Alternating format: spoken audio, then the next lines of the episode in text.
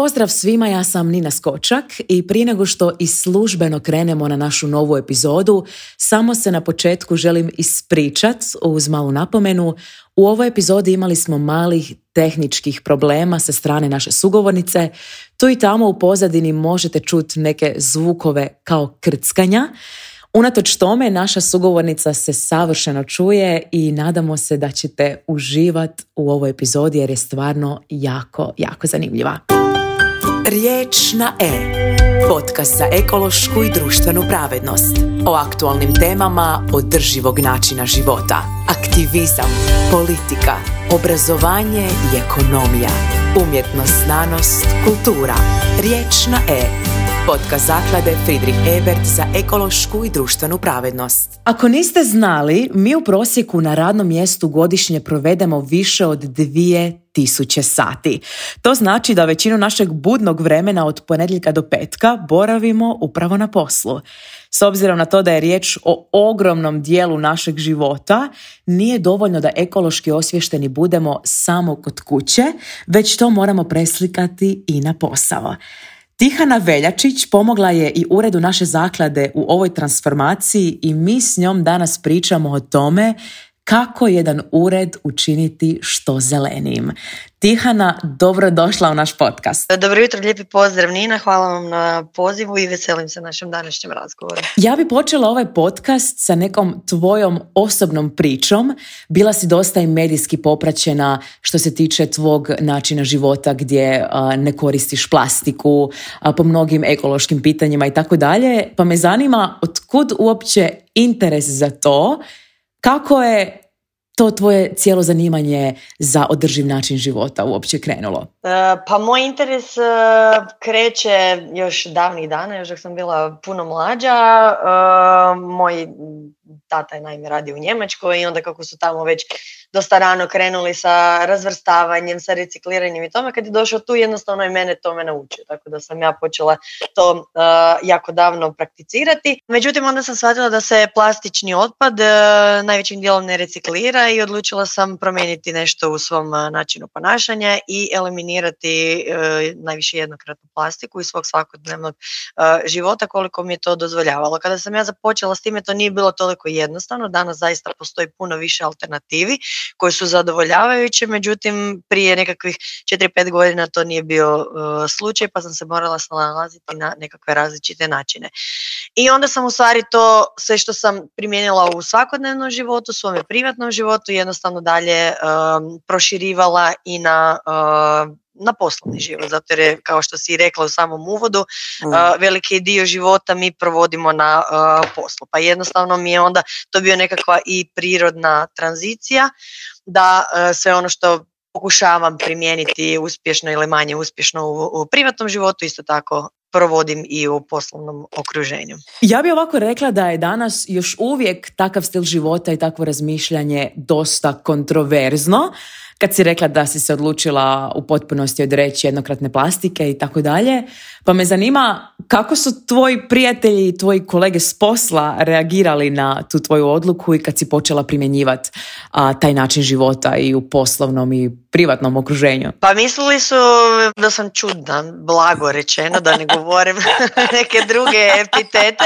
tako da ovaj, e, znam da su mi, čak sam dobila za poklon, su mi onda uvijek poklanjali te nekakve kao eko e, poklone, ali sad zadnji put, evo kad, kad je u stvari od prvog desetog krenuo novi sustav razvrstavanja i naplate u Zagrebu, onda sam im ja bila e. prva osoba koja su se javili, da, di je naš e, specijalist za reciklažu, rekao sad sam vam dobra, a di ste bili dok ste se šalili sa mnom, ne, e, šalim se, mislim ljudima je to neobično, ali s druge strane mi je jako fora jer ih zanima to, pa mi ispituju, mm. ne mislim da je to nešto što je pogrdno i loše da bi se ne znam, zafrkavali, nego da jednostavno ih zanima i mislim da sad pogotovo i ovo, evo mogu konkretno reći za Zagreb da je napravilo puno, puno za jednostavno e, promjenu načina razmišljanja ljudi. Još uvijek misle da će recikliranje riješiti sve njihove probleme, ali i Ehm, dobro je da su počeli razmišljati o otpadu, koje su vrste otpada, gdje završavaju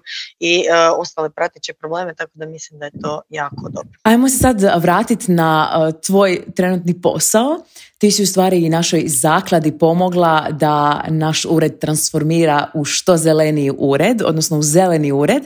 Pa možeš nam objasniti kako taj proces funkcionira, koji su prvi koraci koji neki ured treba poduzet na tom putu da postane zeleni ured? Da, e, pa ima nekoliko koraka. E, ja osim što djelujem u inicijativi Ditch Plastic Croatia, e, djelujem, odnosno jedna sam od suosnivačica platforme The Green Hub koja je više orijentirana na institucije, na tvrtke, znači na velike e, sustave i u stvari njima pomažemo da pređu na zeleni e, način poslovanja. E, konkretno u zakladi Friedrich Hebert to je bilo jednostavnije zato jer se tamo zaista provodi samo uredsko poslovanje, dakle nemaju proizvodnju, nemaju još neke proizvodnje koje znamo da su da više proizvode otpada, tako da je u tome eh, bilo nam je jednostavnije zato jer eh, imamo ljude na koje moramo utjecati koje moramo promijeniti. Eh, pa taj cijeli proces u stvari započinje snimkom stanja, ono što sam ja napravila to što sam u ured zaklade i vidjela kakva je situacija trenutno tamo zatečena i u kojim područjima se oni još mogu popraviti. Napisala sam dokument koji služi, ajmo reći, kao nekakav vodič od sadašnjeg stana pa do održivog načina načina poslovanja. Mhm. Međutim, u sklopu toga smo imali i dvije radionice koje mislim da su vrlo bitne da se ljudima, odnosno zaposlenicima objasni zbog čega se to radi. Zato jer čim znaju pozadinu i znaju zašto je to dobro, eh, onda nemaju više toliki otpor. Nemaju, da, ne doživljavaju to kao još jednu zadaću koja im je nametnuta i koju moraju provesti, već je to nekako, eh, želimo da se taj mindset, ajmo reći, održivog poslovanja i mm. življenja jednostavno integrira integrira u, njihovo, u njihov svakodnevni život, pa tako i u poslovni život i da jednostavno to ne doživljavaju, kažem, kao nekakav dodatni teret, već da im to dolazi prirodno. Da, super si to rekla, jer realno kad se takav mindset baš ono uh, usidri u osobi, onda se to ne preslikava samo na posao, nego na sve ostale dijelove života. Jednostavno ne moraš razmišljati o tome, nije ti to nešto joj ću sad ovo, zašto sad moram raditi ovo, već jednostavno ok, idem sad napraviti ovo jer je to dobro zato i zato. Uh, tako da mi jako veliki dio programa, znači naš program se zove Zeleni ured, znači osim uh, preporuka održivih mjera uh, imamo, radimo dosta i na toj uh, edukaciji zaposlenika, a kad mhm. smo kod te e, implementacije održivih mjera, znači tu smo se podijelili nekoliko različitih pod područja, e, zato jer znamo da u stvari sve naše aktivnosti e, imaju nekakav e, otisak, znači neovisno o tome da li se radi o prijevozu, o prehrani, o grijanju i hlađenju, o očivanju bilo kakvih prirodnih resursa u konačnici. Pozabavili smo se svim tim područjima da vidimo na koji način zaposlenici zaklade Friedrich Ebert mogu to unaprijediti, a ono što je bilo jako dobro u stvari kod njih je da su bili na vrlo visokom visokoj uh, razini, ajmo reći, tako da mhm. nismo imali toliko puno uh, posla. Uvijek postoji jedna osoba koja to mora gurati, koja je nekakav, ajmo reći, sustainability manager, na koju padne pod navodnicima ta odgovornost. Ona motivira i druge svoje kolege da, uh, da implementiraju isto tako te održive mjere u svom životu, ali i u poslovanju. I sad kad se završi ta zelena transformacija ureda, kako izgleda taj u potpunosti transformirani zeleni ured u odnosu na ured koji je bio prije? To je super pitanje, u stvari zato jer eh, mnogi misle da je to jednostavno i je jednostavno, kao što sam rekla, ovisi o tom mindsetu i super je što su zaposlenici baš to jako dobro pripremili, eh, odnosno prihvatili i pripremili se. Eh, nakon što smo utvrdili koje su to stavke koje bi trebalo promijeniti, dali smo tri mjeseca za implementaciju, nakon čega ću ja opet doći u ured i vidjeti koje od tih preporuka su mhm. u, u, uvažene, a koje nisu i koje bi stavke mogle dodatno e, poboljšati. Pa tako konkretno što, na što se to odnosi, to je prvo na razvrstavanje otpada. Dakle, u e, uredu e, zaklade Friedrich Ebert jedan dio otpada se, se razvrstavao, to je bio konkretno papir, isto tako to je bio i bio otpad i jedan dio plastike. Iskoristili smo u stvari sustav koji se koristi u Zagrebu, zato je jer naravno ured se nalazi u Zagrebu, tako da nam je jednostavnije i koristiti infrastrukturu odvoza Zagrebačkog holdinga.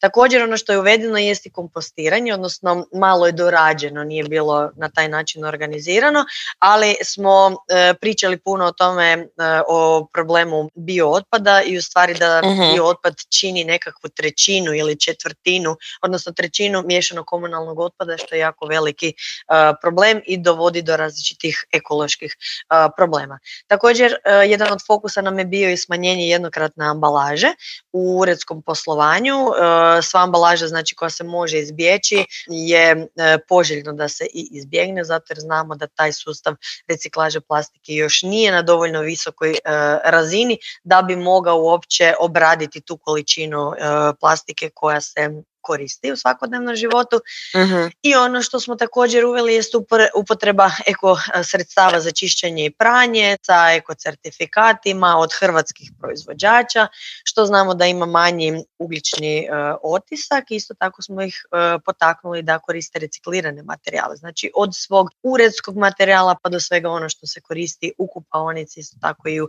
sanitarnim prostorijama a za kraj naravno isto tako smo imali i nekoliko prijedloga za E, jednostavnu uštedu energije, jer znamo da se veliki dio energije e, rasipa e, i da se taj problem može u stvari riješiti na e, jednostavne načine i primjenom nekakvih, ajmo reći, zdravorazumskih načela koje su još naše bake znale da se lagano mogu implementirati i ljudi to u stvari znaju, samo jednostavno zaborave, ne misle koliko taj mali pomak u stvari može imati kumulativno veliki učinak, kako to svira radimo, možemo zaista napraviti e, veliki pomak. Super mi je zanimljivo čut kako pričaš e, koje sve stvari i koje e, sve mjere uključuje jedan zeleni ured.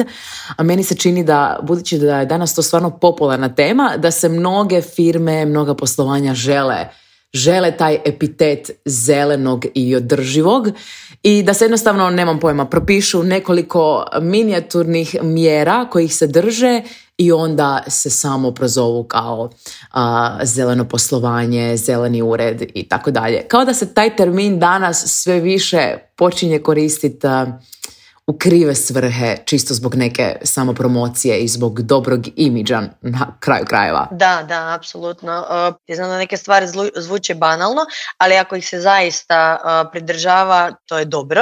Međutim, onda idemo do težih stvari koje je teže za, e, za provesti, ali ono što je najbitnije jest da se te mjere zaista i provedu. To je ono što je najbitnije. Ne da se mm. samo deklarativno priča o tome i kažemo ok, mi smo sad to napisali, ali samo stoji na papiru bitno da se to zaista implementira, da to bude nekako u, uh, u samoj srži organizacije, ono što sam rekla da se to nekako prihvati kao način rada uh, u, u, u uredu i jednostavno velim, da, da se to zaista primijeni jer ono što je bitno pogotovo kod um, organizacija i velikih ali i kod zaklade kao što je Friedrich Ebert jest da ono što komuniciraju na van ono što e, žele od drugih da se pridržavaju jednostavno je jako bitno da oni to naprave prvo kod sebe. Znači ono, treba krenuti da. od sebe, pomesti da. u svom dvorištu i onda ići dalje. A jednostavno je i ono što promjenu možeš utjecati najbolje ako kreneš od sebe.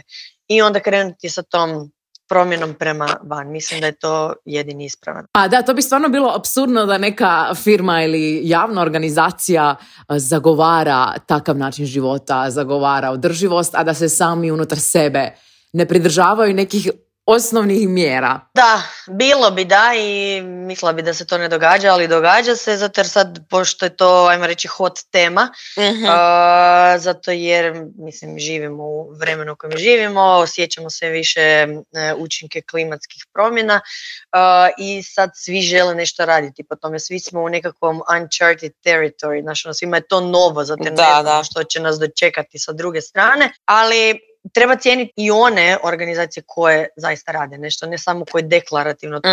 e, komuniciraju, zato znamo da je veliki problem greenwashinga uh, i tu treba biti jako oprezan, pogotovo osobama koje nisu duboko u temi i koje ne razumiju problematiku, e, može se činiti da neka organizacija radi nešto, a u stvari se ne mogu naći konkretni dokazi za to. Da, da, da. je to dosta veliki problem. Znam i ja kad idem istraživati, ja si dam truda, zato jer me to zanima i to je moja domena i zanima me privatno i poslovno, tako da ću si ja dati truda, ali Puno drugih ljudi to neće napraviti iz jednostavnog razloga jer im to nije prioritet, imaju druge životne probleme i onda svašta prolazi ispod radara. Pa da, je realno rijetko ko će danas baš ići duboko kopat, ako sad netko tvrdi da je zeleno poslovanje, rijetko ko će sad baš ono ući duboko u to da sazna šta se događa u pozadini svega. Je, je, istina. meni je to, ajmo reći, dodatni trigger, ona kad da. kaže, mi smo zeleni, a okay, da ja to ajmo Vidjet. da ja to vidim, sad sam došla, znači u fazi sam da jednostavno pregledavam sve stranice, gledam sve tvrdnje, vadim njihova ova nefinancijska izvješća i gledam di je to dokazano i čime se to može potkrijepiti, zato jer baš svašta ljudi pišu, svašta organizacije pišu, čak i u nastojanju da naprave nešto dobro, onda to malo preuveličaju. Što ja s jedne strane ne uzimam za zlo ako zaista rade nešto po tom pitanju. Najviše me smeta ako imaju velike izjave, velika obećanja, velike pleđeve, kako se to mm. zove, popularno, a zaista ništa ne rade. Ili imaju toliko slabe, male, niske, neambiciozne ciljeve da su da su ne, nezamjetni su u stvari. Tina, možeš biti novi zeleni fact checker. To je fora, kaj ne? Da, da, to bi bilo dobra fora. Da. Htjela sam te još pitat, znamo da si radila s našom zakladom i to je primjer jednog malog ureda. E, koja je sad razlika te zelene transformacije jednog malog kolektiva, malog ureda i nekog velikog, velikog poduzeća? Pa velika je razlika, upravo zbog te veličine kao, kao što si navela. Dakle, e, ovo, ja vjerujem da će ova tranzicija u zakladi Friedrich Hebert e, proći puno um, smoother, puno mm. jednostavnije, puno lakše nego recimo u drugim firmama gdje radimo istu, ist, gdje provodimo isti ovaj projekt koje imaju, ne znam, 500, 600, 700 osoba, što je ogroman broj ljudi. Svako od njih nije na nekakvoj istoj razini znanja, ni niti svojih vrijednosti, niti očekivanja. E, tako da se nekako mora naći neki zajednički nazivnik i pokušati se doprijeti do njih. To je ono što ja govorim svaki puta, treba ljudima objasniti. A naravno da je to puno teži i puno trnovitiji put kad imaš sedam ljudi ili sedamsto ljudi. Da, da. E, ali da, ne odustajemo i u stvari jednostavno e, kod tih velikih sustava i velikih organizacija problem što su dosta tromi Mhm. imaju puno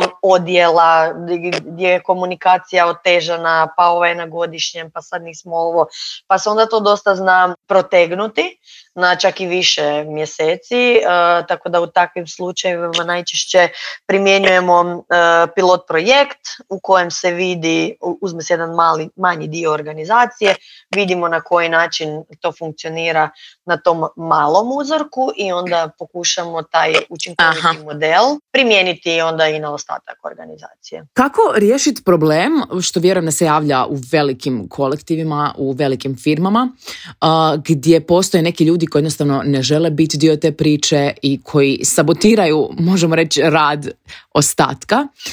Rekla si da uvijek postoji jedna osoba koja je, ajmo reći, zeleni redar, no vjerujem da je to puno jednostavnije za realizirati u tako nekom malom kolektivu naspram neke velike firme. Kako se rješava taj problem u tim slučajevima. Da, ima više redara e, tamo, e, ali ono što smo mi shvatili, u stvari kad e, razgovaramo sa velikim korporacijama je da upravo im je možda lakše kad mi dolazimo izvana, jer oni ne moraju biti kao the bad guy mhm. i ne moraju priopćiti Istina.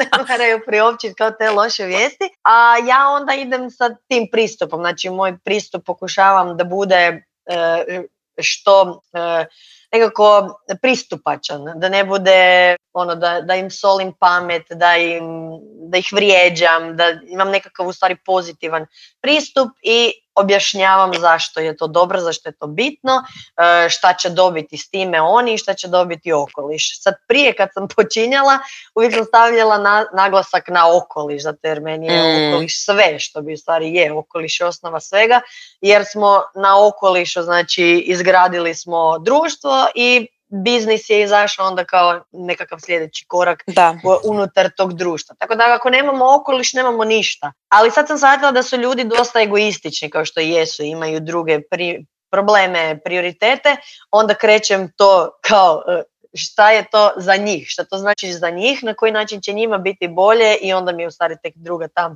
e, komponenta okoliš, ali pokušam to nekako ispreplesti u stvari jer smo mi neraskidivi, mhm. e, iako to nekada zaboravljamo, ali onda evo pokušavam na taj nekakav, ne znam, može se reći možda holistički pristup, objasniti zašto je to dobro za sve.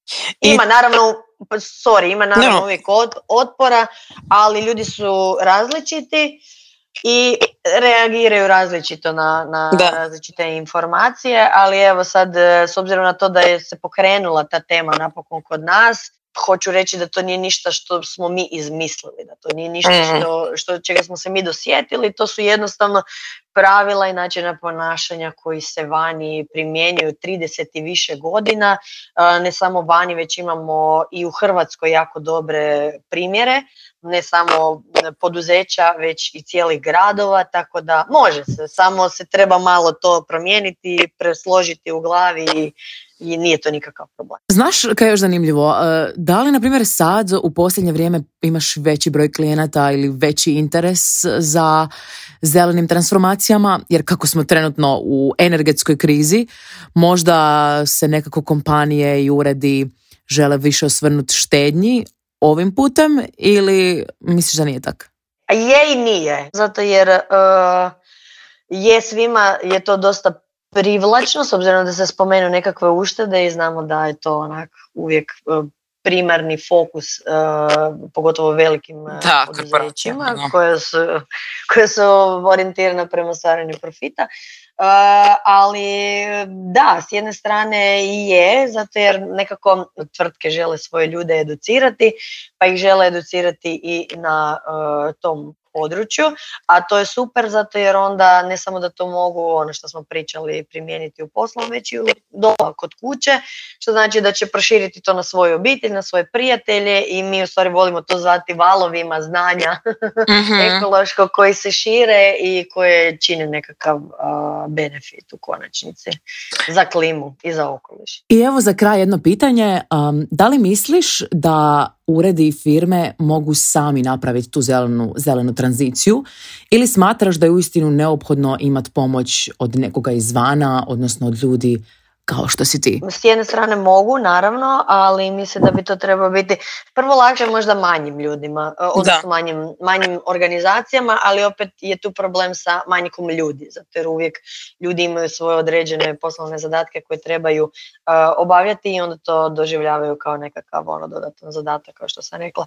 A opet e, u velikim firmama to može biti jednostavnije, koliko sam sad već vidjela, neki organiziraju posebne odjele unutar firme koji se bave baš održivošću, ESG-em, kriterijima i skopovima, tako da e, i to se događa, pak drugi imaju nekakav drugi pristup gdje ne žele imati jedan odjel koji će se baviti time, već opet žele da to bude integrirano u, poslovanje cijele tvrtke, ali što je na velikim e, u velikim firmama je dosta teško to e, provesti. E, tako da mislim da ima, ima, bit će, i dalje potrebe, za sad vidim da postoji potreba i mislim da će biti potreba zato jer kao što sam rekla mi imamo već te nekakve kriterije i propisane procedure koje jednostavno njima olakšavaju. Da. Ne moraju izmišljati toplu vodu, već mi dođemo i kažemo ovo, ovo, ovo su vaši kriteriji, vi, vi ih trebate e, u određenom periodu zadovoljiti i e, onda ćete poslovati održivije. Mhm. Tako da mislim da je iz te perspektive je njima lakše jednostavno jer dobivaju već e, gotov proces. Tihana, hvala ti puno uh, što si bila gošća našeg podcasta. Čini mi se da je ovo bila jedna jako zanimljiva epizoda s puno zanimljivih informacija za naše slušatelje koju, koje će definitivno moći primijeniti u svakodnevnom životu. Uh, tako da hvala ti što si bila naša gošća, a vi ste slušali podcast zaklade Friedrich Ebert. Riječ na E. Podcast zaklade Friedrich Ebert za ekološku i društvenu pravednost.